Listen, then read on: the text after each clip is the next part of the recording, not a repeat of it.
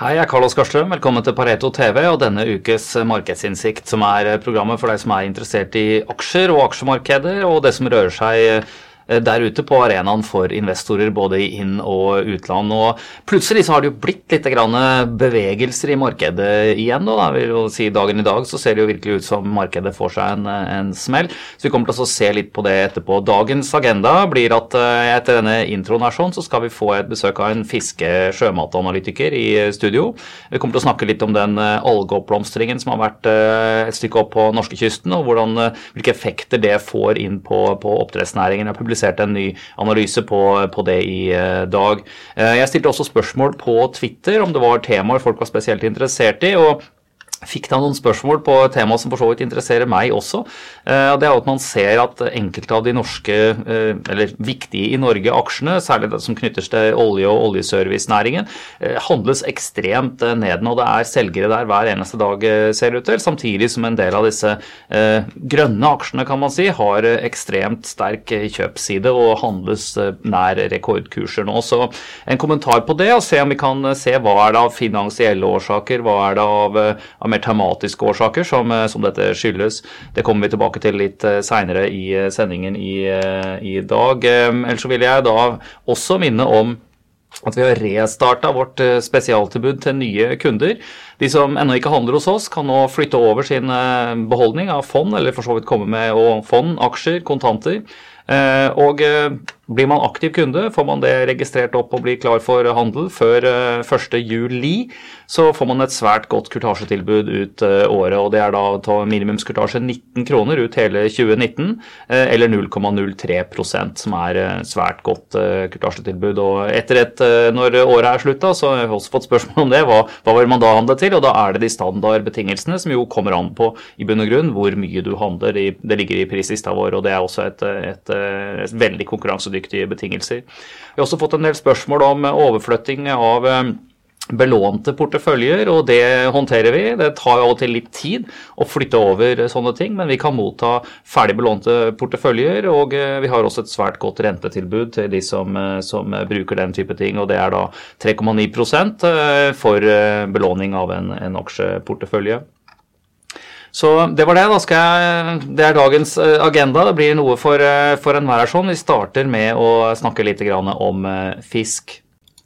Da har vi fått besøk i studio av Carl Emil fra fisketeamet vårt. Eh, du analyserer eh, sjømatprodusentene, ikke sant? Og, mm. Eh, og nå, nå, har det jo vært en, et tilfelle langs norskekysten, altså en, en algeoppblomstring, algebloom som man kaller det, ja. eh, som har tatt livet av masse fisk rett og slett i, i, i Lofoten. Vi kan eh, se på det her. Vi har et, et kart. Her ser man eh, Eh, Lofoten som stikker ut her sånn, og det, og det har vært i disse fjordene hvor det har vært uh, størst problemer. Hva, hva, er det egentlig vi ser nå? Altså det, det, som har skjedd, er at både rett sør og rett nord for kall det der hvor øyen ute i Lofoten går, så har det vært oppblomstring av, av en alge.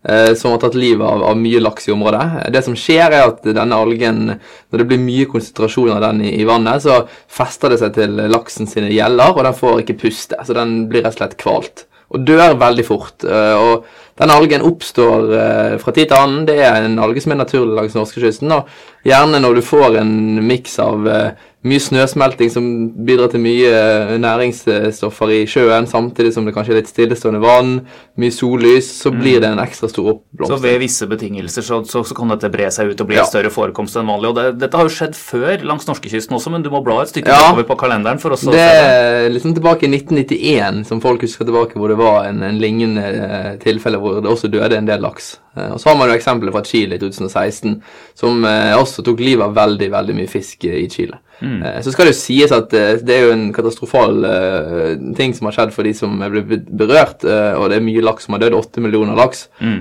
Men for norsk næring så er det jo fortsatt en begrenset andel. Det er tross alt 400 millioner laks i sjøen i Norge, så man snakker om rundt 2% som er Ja, vi, vi, skal se litt på, på det, men ser man fysisk både på kartet her, sånn, så er det, disse, det er disse oppdretterne i dette området som har vært hardest rammet. Og, og, det er sikkert mange som lurer på liksom, hvilke av de børsnoterte selskapene er det som er der, og det, det er vel egentlig ingen. Nei, det er jo bare private aktører. Det Norlax er det største selskapet som er i området, som er, i hvert fall er litt kjent. Og de andre åtte selskapene som er rammet, er stort sett eh, mindre private selskaper, som selvfølgelig har da fått en veldig stor andel av sin eh, bymasse, eller sin fisk, eh, drept. Så for dem har det jo en, en veldig stor effekt. Mm. Så vi får, vi får, se litt hvordan det her ser ut på mm, Det du har på skjermen her nå, det vi ser på her, er rett og slett supply, eller altså tilbudssiden i, i Norge ja. eh, og i, eller i verden. Ja, så det som har skjedd nå, er jo at i, i Norge nå i Q2 så har man tatt ut litt mer fisk enn en man planla, fordi man vil gjerne redde litt fisk fra å bli tatt av den algen. Ja, for Det er noe vi også har sett i nyhetene, at de, de prøver å frakte ja. bort fra noen av de tilstøtende sitene her nå, ikke sant, og da ta ut fisk ja. eh, sånn at man slipper at de, at de dør. Absolutt, og det har jo gjort at det har vært press på prisene i det korte bildet, og gjør at vi tar ned våre prisestimater nå for Q2. Eh, men så er jo effekten da inn i andre halvår i år at eh, mye av den laksen som skulle vært slaktet da, er enten allerede slaktet eller eh, blitt drept. Sånn at supply av laks i andre halvår vil, vil komme ned. Ca. 30 000 tonn har vi estimert. Mm. Og det kommer til å være positivt for prisen, og vi har dermed løftet våre prisestimater for andre halvdel. Mm. Så eh, mens videre inn i, i, neste år, vet ikke om du har det på en slide her, så mm, ja. Ja, så er det jo litt vanskelig å si, for det er en del ting som man ikke vet helt ennå. Blant annet f.eks. hvor fort klarer man å erstatte den tapte fisken med ny smolt. Um, og så er det jo litt hvor lenge den algen varer, for fortsatt er det jo alge i området, og man tør gjerne ikke å sette ut ny fisk allerede nå. Eh, og så snakkes det om at myndighetene skal gi en slags kompensasjon til disse små oppdretterne, hvor man kanskje får lov å eh, fylle på med, med fisk fra andre områder, eller man får en utvidet sånn uh, biomassetak, sånn at man kan dra opp biomassen sin litt fortere og komme tilbake til mm. full produksjon litt raskere. Og Sånne ting kan påvirke 2020-estimatene, uh, men foreløpig har vi valgt å holde de uendret, for vi tror at noen av disse positive effektene som kanskje myndighetene vil bidra med, vil, vil bli litt eh, motvirket av at det også har dødd fisk som skulle ha vært slaktet i 2020. Og man har tapt også mye fòring på fisk som, eh, mm. som, også skulle vært slaktet i 2020. Vi har utvilsomt situasjoner hvor en del av den fisken som, som, normalt vil bli slakta i en sykkel som er planlagt fremover, ikke sant, eh, og som jo dere har da estimater på, der har det blitt litt forstyrrelser nå. sånn ja. at eh, noe, slakt, noe, fisk som skulle kommet, har dødd, noe ja. har blitt slaktet litt tidligere, og du får da et lite hull rett og slett, ikke sant, i tilbudet fremover. Rett og slett. Som da isolert sett vil, vil støtte prisene. Ja. Men det er viktig å minne de der ute som ser og hører på dette her også, at at det er jo eh, Myndighetene har jo biomassebegrensninger eh, på norskekysten, egentlig, så oppdretterne får jo ikke produsere så mye de, de vil. Eh, og når det da faller bort noe et sted, så, så, så kan det være rom kanskje for også å jevne det ut med tiltak fra, fra myndighetene. Da. Ja, Det er iallfall vært diskusjoner rundt dette, så får vi se hva, hva, utfallet blir. Men uansett, i andre halvdel i år så vil det være mindre slaktet eh, volumer enn det vi tidligere trodde, og, og, det har alltid en positiv effekt på prisene, og er hovedgrunnen til at vi, vi har tatt opp estimatene våre her nå Eh, for 2019 med å løfte lakseprisen 1 krone fra 60 til 61 kroner. Mm. Hvordan slår dette på de øvrige beregningene deres? Nei, så det som Man ser er at det er jo en positiv effekt på alle selskapene vi dekker. fordi at det er ingen av de som er påvirket direkte av algen. SalMar måtte slakte noe fisk litt tidligere, men det var marginale effekter på, på eh, resultatet. Så vi har jo da tatt opp estimatene våre for alle disse lakseoppdretterne. Eh, varierende grad eh, fra, fra, de forskjellige. og Spesielt NRS er et selskap som kommer kalle det veldig positivt ut, fordi at de har en del volumene sine i år i andre halvdel. Mm. Pluss at i Q2 nå så har de en del kontrakt, så, de får ikke så mye negativ effekt av den lavere prisen. Så ser du at de selskapene som har operasjoner i utlandet, eh, spesielt da i Chile og i Canada, der er ikke effekten, tror vi, så positiv. For det er spesielt prisene i Europa som kommer til å bli positivt påvirket her. Eh, mm. Så, så, der er estimatoppjusteringen eh, litt mindre. Markedsbevegelsen har jo allerede vært eh, betydelig, men nå ser vi altså vi justerer opp estimatet for 19 litt på, på, pris. Men det har også vært en bevegelse i kursene her sånn, på en del av disse laksene, aksjene nå den, den siste tiden. Så, ja. så, hvordan slår dette ut i, i anbefalingene på selskapene? Altså, vi mener jo at markedet kanskje har overreagert litt på den positive siden. Og spesielt en aksje som Movi har vært veldig sterk den seneste tiden. Og vi mener jo at dette nærmer seg fullprishet. så selv om vi tok opp eh, estimatene vi har tatt opp kursmålene våre litt, så har vi tatt ned anbefalingen på både Movi og Salmar og Scottish Salmon Company til hold fra tidligere kjøp, eh, basert på at eh, aksjekursene har vært eh, veldig sterke. Eh, og vi mener at mer enn nok av den kalde algeeffekten er blitt priset inn. Mm. Så syns vi fortsatt at det er interessante selskaper i sektoren, og vi ser fortsatt god oppside i flere lakseoppdretterne. og trekker jo frem i den rapporten jeg publiserte i dag, spesielt eh, Lerøy, eventuelt da Austål, som er hovedeier i, i Lerøy, som er en den beste norske aksjen, og den vi ser mest oppside i. Og så syns vi òg at dette Salmonesca manchaca i Chile ser veldig attraktivt velsatt ut nå, og har ikke hatt den samme positive utviklingen etter denne algeblommen, selv om de også vil ha noe positiv påvirkning av at prisene globalt også kommer til å øke. Mm. Eh, rapporten kan i sin helhet leses på vår kundeweb nå. Der ser du detaljer i estimatene på alle selskapene og en ytterligere beskrivelse av det som eh, skjer nå. Så sier jeg tusen takk til eh, Karl Emil. Yes, Da er tiden inne for oss å ta en liten kikk på markedsbevegelsene. og Som jeg sa under uh, introduksjonen, så, så, har jeg fått noen spørsmål på Twitter på å kommentere litt dette her om eh, oljeaksjer og og i relasjon til, til, de grønne aksjene også. Jeg syns dette er et veldig interessant tema på flere plan, for så vidt. Det er alltid interessant å se på markedsbevegelser og se om man kan bli noe klok på det. og det er i hvert fall to ting som man kan snakke om driver kurser. Det er selvfølgelig selvfølgelig ren finansiell input. altså Har det vært endringer i eh, input-faktorene, f.eks. oljeprisen da, på oljeselskapene? som kan forsvare eller forklare eh, kursbevegelsene. Det er interessant å se på. Så kan man eventuelt spekulere, eh, for det er vanskeligere rett og slett få bekreftet eh en årsakssammenheng, men om det også er mer tematiske eh, ting som man kan finne i markedet for, eh, for, å forklare dette her. Så la oss eh, se litt på noen eksempler på det. Jeg kommer ikke til å ha noe sånn endelig fasitsvar her, sånn, men vi kommer til å se litt på noe input. Så la oss gå inn og kikke her. Det jeg har på skjermen min eh, nå, er kursutviklingen i Equinor, tidligere kjent som Statoil. Eh, det siste året. Det er det som er de stolpene her, rød og, og, blå. Og som vi ser, så handles jo da den eh, Equinor nå ned på, på rundt 165 kroner. Det er årets laveste kurs, og vi ser den er ned nesten 10% 9,5% year to date her sånn, og siste år ned 19% faktisk. Så, så dette her er jo eh, tungt eh, i en situasjon hvor oljeprisen egentlig har vært ganske eh, ok. Uh, nå er riktignok ikke denne kursen her justert for utbytte, de har betalt et par kroner her og der i uh, tiden bak oss, men det er ikke noe sånn, uh, det generelle bildet endrer seg ikke. For de som ser skjermen her sånn, så ser man jo også der at det er en rød linje som jeg har lagt oppå her sånn, og det er det første jeg typisk ser på når jeg skal se på en aksje, er om den beveger seg noenlunde likt med sektoren. og dette her er ikke en sammenlignbar sektor på Oslo Børs, fordi naturlig nok så vil Equinor veie veldig, veldig mye i den, men dette er en ETF som handles i USA, som er XLE heter den, eh, eller artikkelen på den. og Det er jo da også rett og slett en såkalt big oil-indeks, eller svære oljeselskaper som Exxon, Chevron, de der, der de inngår i den. Uh, og jeg har gjort den om til, til, norske kroner for å få det sammenlignbart her. Sånn. Og det vi, det vi, ser, er jo et mønster i kursbevegelsene som er relativt uh, likt. Uh, 100% likt er det jo ikke. Mens den siste tiden er sånn, så har Equinor falt mer enn de tilsvarende oljeselskapene ute. Eh, eller i USA i hvert fall. Så hvis vi tar den vekk, så kan vi jo se på eh, se på hva, hva, annet av input-faktorer som kan forklare det. Eh, hvis vi tar oljeprisen, så ser jo den faktisk litt ned de siste tolv måneder. Vi så Equinor var ned 19% oljeprisen er vel ned 6-7% Jeg kan ta og hente opp en dialogboks på det, så vi får det eksakt. Skal vi se, instrument overview. Eh, den er eh, ned 9,5% siste år, den også.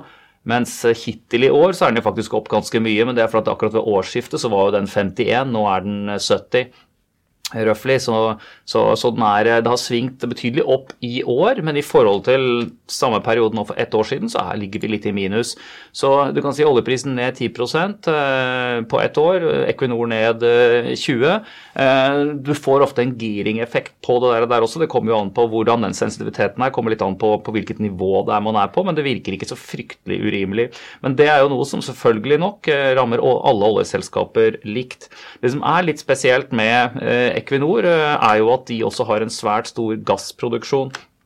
Gass eh, selges jo, ble tidligere solgt uh, i all hovedsak, hvis den skal være veldig forenklet er sånn, inn i Europa til såkalt oljelinkede kontrakter. Dvs. Si at gassprisen svingte i takt med oljeprisen. Det er det blitt litt mindre av etter hvert som det har blitt mer og mer gassproduksjon og leveranser fra forskjellige hold. Så har man fått et eget marked for gass. og jeg kan da gå inn og se på, som et eksempel UK Natural Gas Future, bare for å se på, på det. Og det vi ser her, er et betydelig, betydelig fall. Du har 44% ned på gassprisen på ett år. Så det er altså mye mer enn oljeprisen. Eh, nå er dette én av de gasskontraktene som går der ute. Det er eh, flere av disse gassprisene i Europa, men også det danner et bilde eh, av at det har vært en betydelig prisfall i gass. Så for da Equinor, som da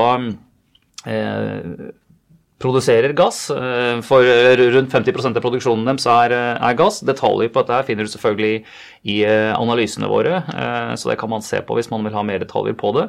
Men der vil også finne sensitivitetstabeller, ofte mest på oljeprisen. Men du kan si her er det, slik jeg ser det, så er det vel ikke urimelig kursbevegelse det vi ser egentlig på Equinor-kursen, gitt hvordan, hvordan, utviklingen på input-faktorene som olje og gasspriser har vært. Så, eh, og man ser jo også, vi skal se på oil service-selskaper, der er det der er det en masse forskjellige selskaper å, å, se på. Eh, det er mange forskjellige segmenter. Men det naturlige der er jo da å ta opp norske og sammenligne med, med de som er i samme gruppering eh, internasjonalt. og Eh, også der så finner man vel egentlig ingen, eh, ingen eh, forklaring på kursbevegelsene som ikke har et, et relativt godt finansielt, finansiell forankring. Så ser man da, men, men, utvilsomt så har det vært sånn at det, det er ikke noe kjempepopulært å eie disse eh, aksjene nå. Da hadde kursene stått i all time high, da hadde vi hatt eh, positivt eh, drag oppover.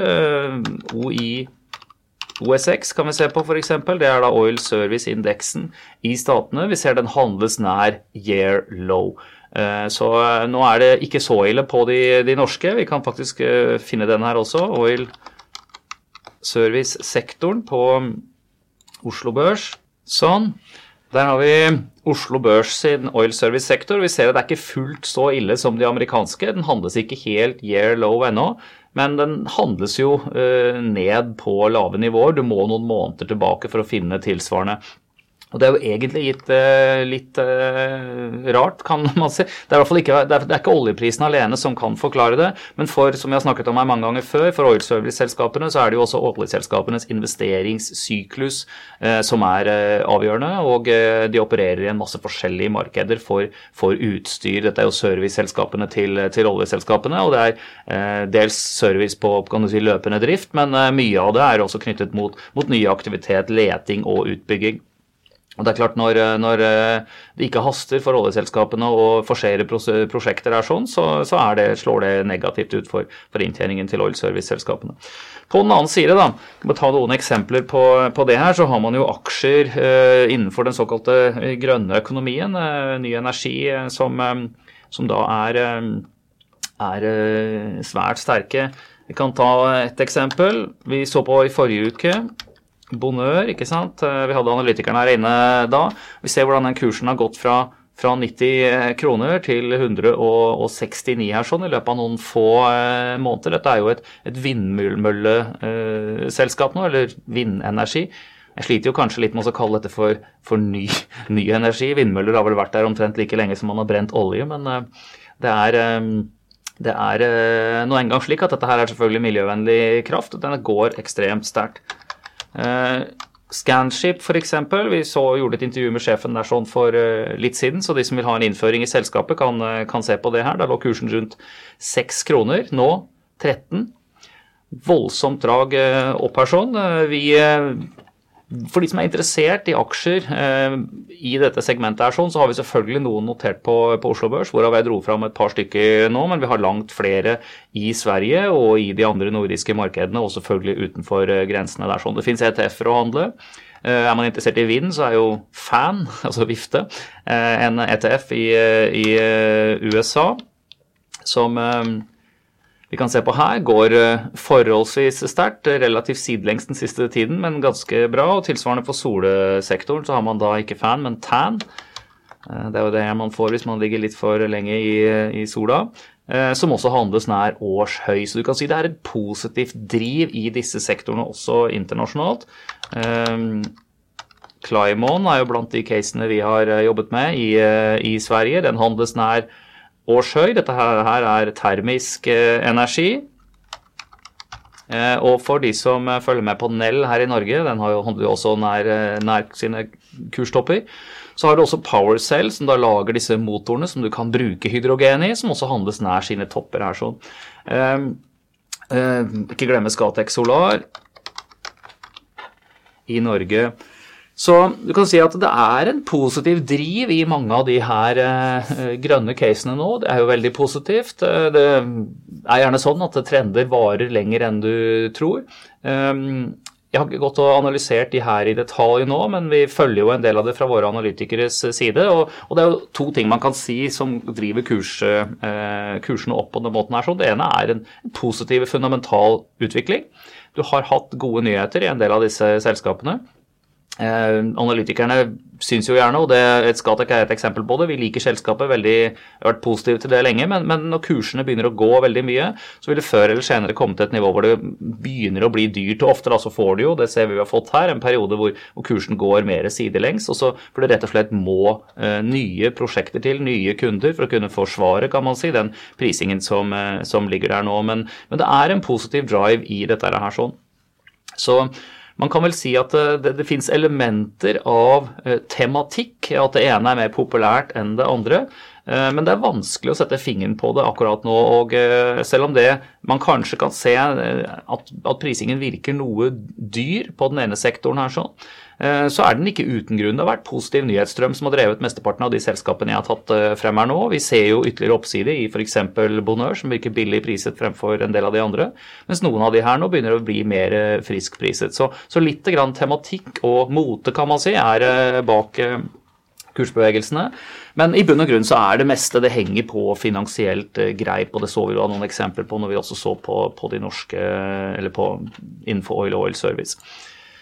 Hvis vi skal ta det generelle bildet i markedet, da, så er jo det store spørsmålet, og som det jeg også lurer på, eh, er hva er effekten av denne handelskrigen? Litt blandet drops når det gjelder eh, nyheter fra utlandet. Jeg henter opp SNP 500 her nå på skjermen, og eh, da kan man jo se at vi Eh, nå skal jeg dra den litt opp, sånn at vi, vi får et større chart her, som da viser ukentlige uh, kursendringer. Hver stolpe her er en ukes handel siste fem år. Og da ser vi et par interessante ting. Skal vi se Gjøre det noe til logaritmisk skala, så det blir like prosentvise endringer. Da ser man det tydeligere. Eh, hvis vi tar den blå linja her, sånn, så er det 200 dagers glidende gjennomsnitt. Eh, jeg snakker jo av og til om det som et sånt lite vannskille i markedet. Det er noe som man kan bruke til å fange opp litt av de langsiktige trendene. Vi ligger over 200 dagers glidende gjennomsnitt fremdeles. Vi ligger også over den gule her, som er 100 dagers glidende gjennomsnitt. Så man har liksom ikke det i hvert fall å si om markedet, at man liksom er under 200 dagers. 200 dagers er jo nesten snittpris siste år, ikke sant. Sånn at eh, Handler man under det, så betyr jo at gjennomsnittlig investor siste år eh, har en, eh, en, negativ avkastning på kapitalen sin, og det er ofte da du, du eh, folk, blir, syns ikke det er spesielt behagelig. Vi ligger over der nå. Men den er flat. Den er relativt flat siste året. Hvordan har utviklingen på inntjeningen til selskapene som inngår i S&P 500-indeksen nå vært siste året? Jo, den har vært svakt negativ, faktisk.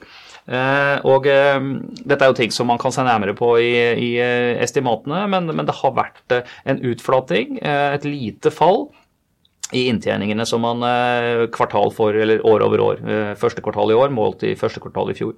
Så at man da ligger litt grann høyere, det er jo bare fordi at det tross alt er positiv inntjening. Man bygger bokførte verdier.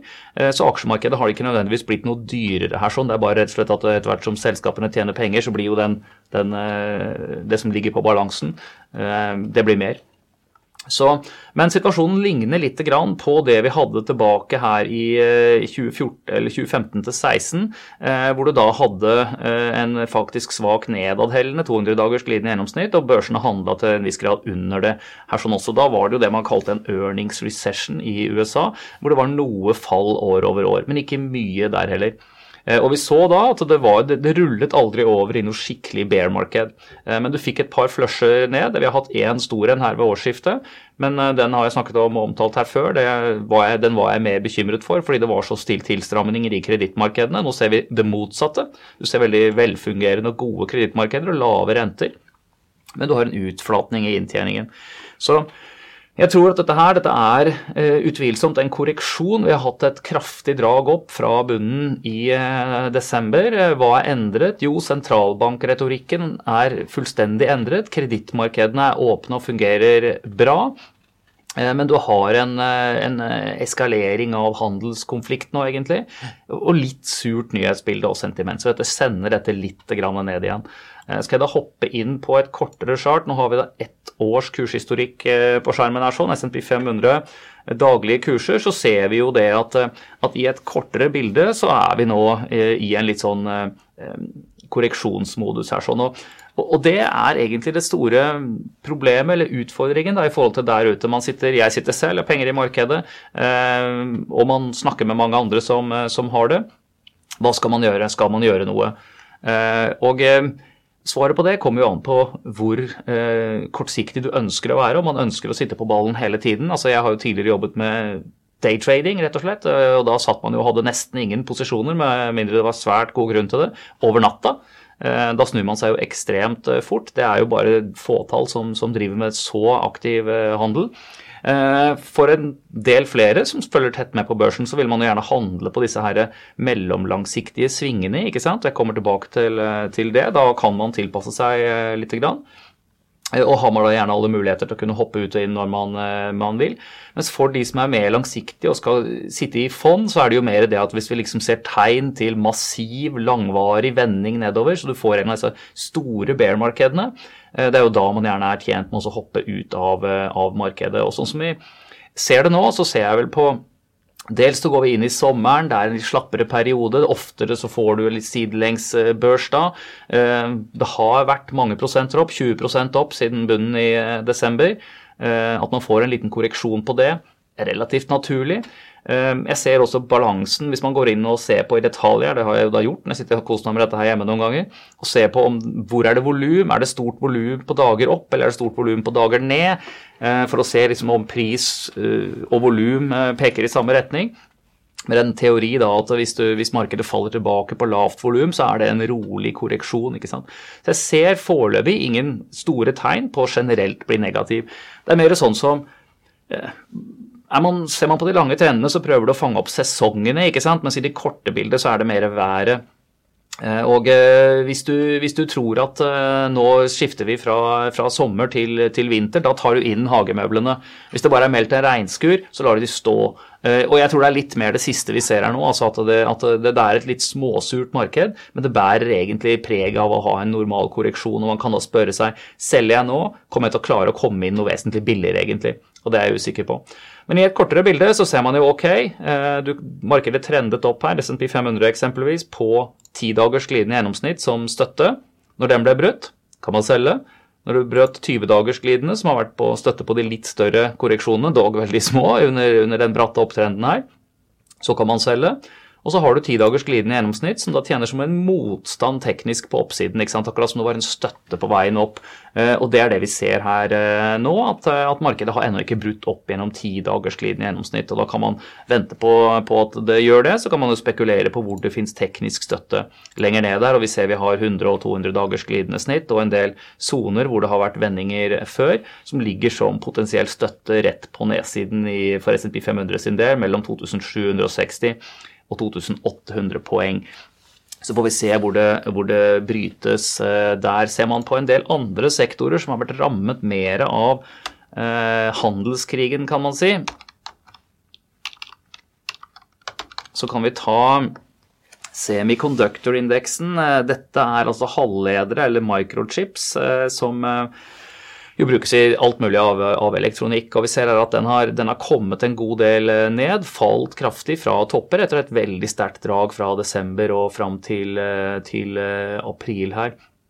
Eh, og det er klart det er reelle effekter. Igjen tilbake til liksom, er, hvor mye er tematikk, at folk går i flokk, at noe er mote, noe er umote. Og hvor mye er reelt finansielt. Og her er det jo en del som har fått forstyrret forsyningskjeden sin rett og slett som følge av disse, disse uh, kranglingen mellom USA og, og, Kina. Og her har vi også falt ned til eh, å handles rett under et flatt 200 dagers glidende gjennomsnitt. Men det er også slik at ser man på standard overkjøpt, oversolgt indikatorer, som RSI, som jo ikke i seg selv er fryktelig god å basere handel på, men det sier litt om hvor man er i eh, momentummessig. Det er jo en momentumindikator.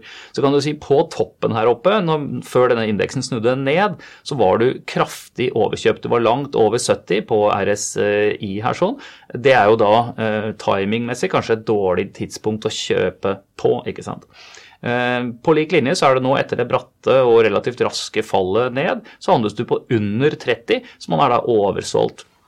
Det kan si, det kan jo selvfølgelig hende, og det hender også, at, at sånne trender varer lenger enn du tror, og at ting da er relativt overkjøpt eh, eller oversolgt ganske lenge, så man skal være forsiktig med å bruke det i seg selv. Men ofte Eh, så, så, kan det være lurt å spole litt ut og se hvor vi går hen nå. Og der går vi jo egentlig i en trading range. Og henter jeg opp dette her lange chartet igjen, så ser du at ok, eh, man har overshoota på den ene siden og falt tilbake nå egentlig i en sone hvor mye handel har gått tidligere. Og går man da inn på enkeltselskaper, så finner du ut at ja, ved de nivåene her sånn, så, så, har det vært betydelig handel og volum tidligere. Og vi ser nå på denne indeksen i et lengre perspektiv at du er tilbake i, i midten av egentlig den rangen som man har gått. Og igjen, markedet også er i en slags trading range, og det er ikke noe momentum bak earnings akkurat nå. Det er, eh, det er ikke dårlig heller, det er jo, eh, vi må snakke om det, at det er, liksom, det er, veksten i inntjening vi snakker om inn her, ikke nivået.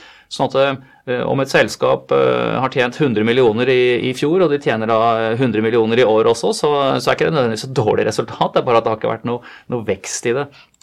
Eh, ok, så, så, jeg kan si igjen så syns jeg dette her støtter mer enn et scenario av en korreksjon eh, som man hvis man har mellomlangsiktig eller litt langsiktig perspektiv, ikke er noe spesielt tjent på å selge seg ut av, enn at vi foreløpig kan konkludere med at dette her er, var toppen, og at det kommer til å bli en generell vending nedover og en global resesjon som kommer til å dra oss langt ned i, i kjelleren. Jeg ser rett og slett ikke det scenarioet akkurat nå.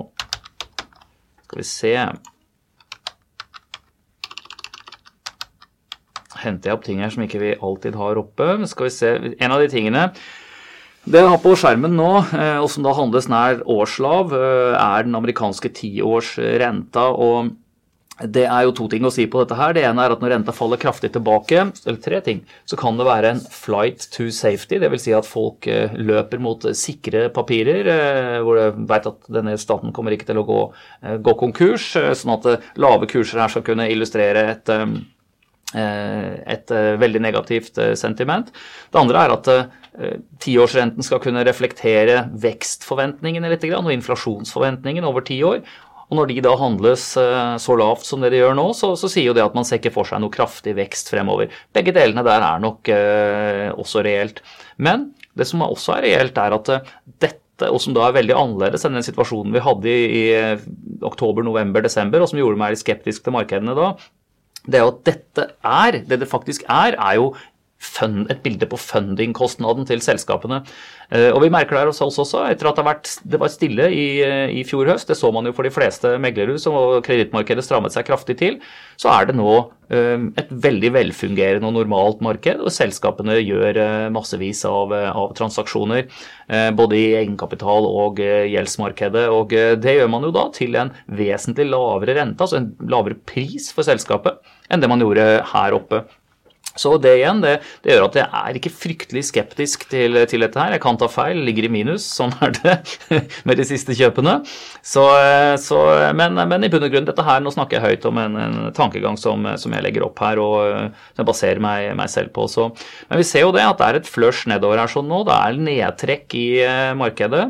Og har man da muligheten til å være lett på tå, så er det klart at eh, da er det fint å sitte på sidelinjen, eller endog forsiktig short. Men jeg tror den neste store bevegelsen er sånn igjen kommer til å være på, på oppsiden, og at uh, fallet i en god del både aksjer og delsektorer begynner å bli ganske modent nå og ganske strukket på nedsiden. Det være sagt, hadde man ikke benyttet seg av noe annet enn chart, så ser man jo at en del av de uh, tipper litt ut nedover her sånn nå. Jeg ser også det, sånn at rent teknisk så kan man jo gjøre trades og calls her sånn på det som som selvfølgelig er på, på, den andre siden av markedet, altså på short-siden. Skal vi se om vi får tegnet her nå, da, uten at jeg krasjer hele systemet. Vi ser at denne trendlinjen opp Nå har jeg Deutsche Aksjeindeks, tyske markedet er sånn, på skjermen, og jeg tegner en ganske veldefinert trendkanal på det fra desember, eh, årsskiftet, og fram til nå.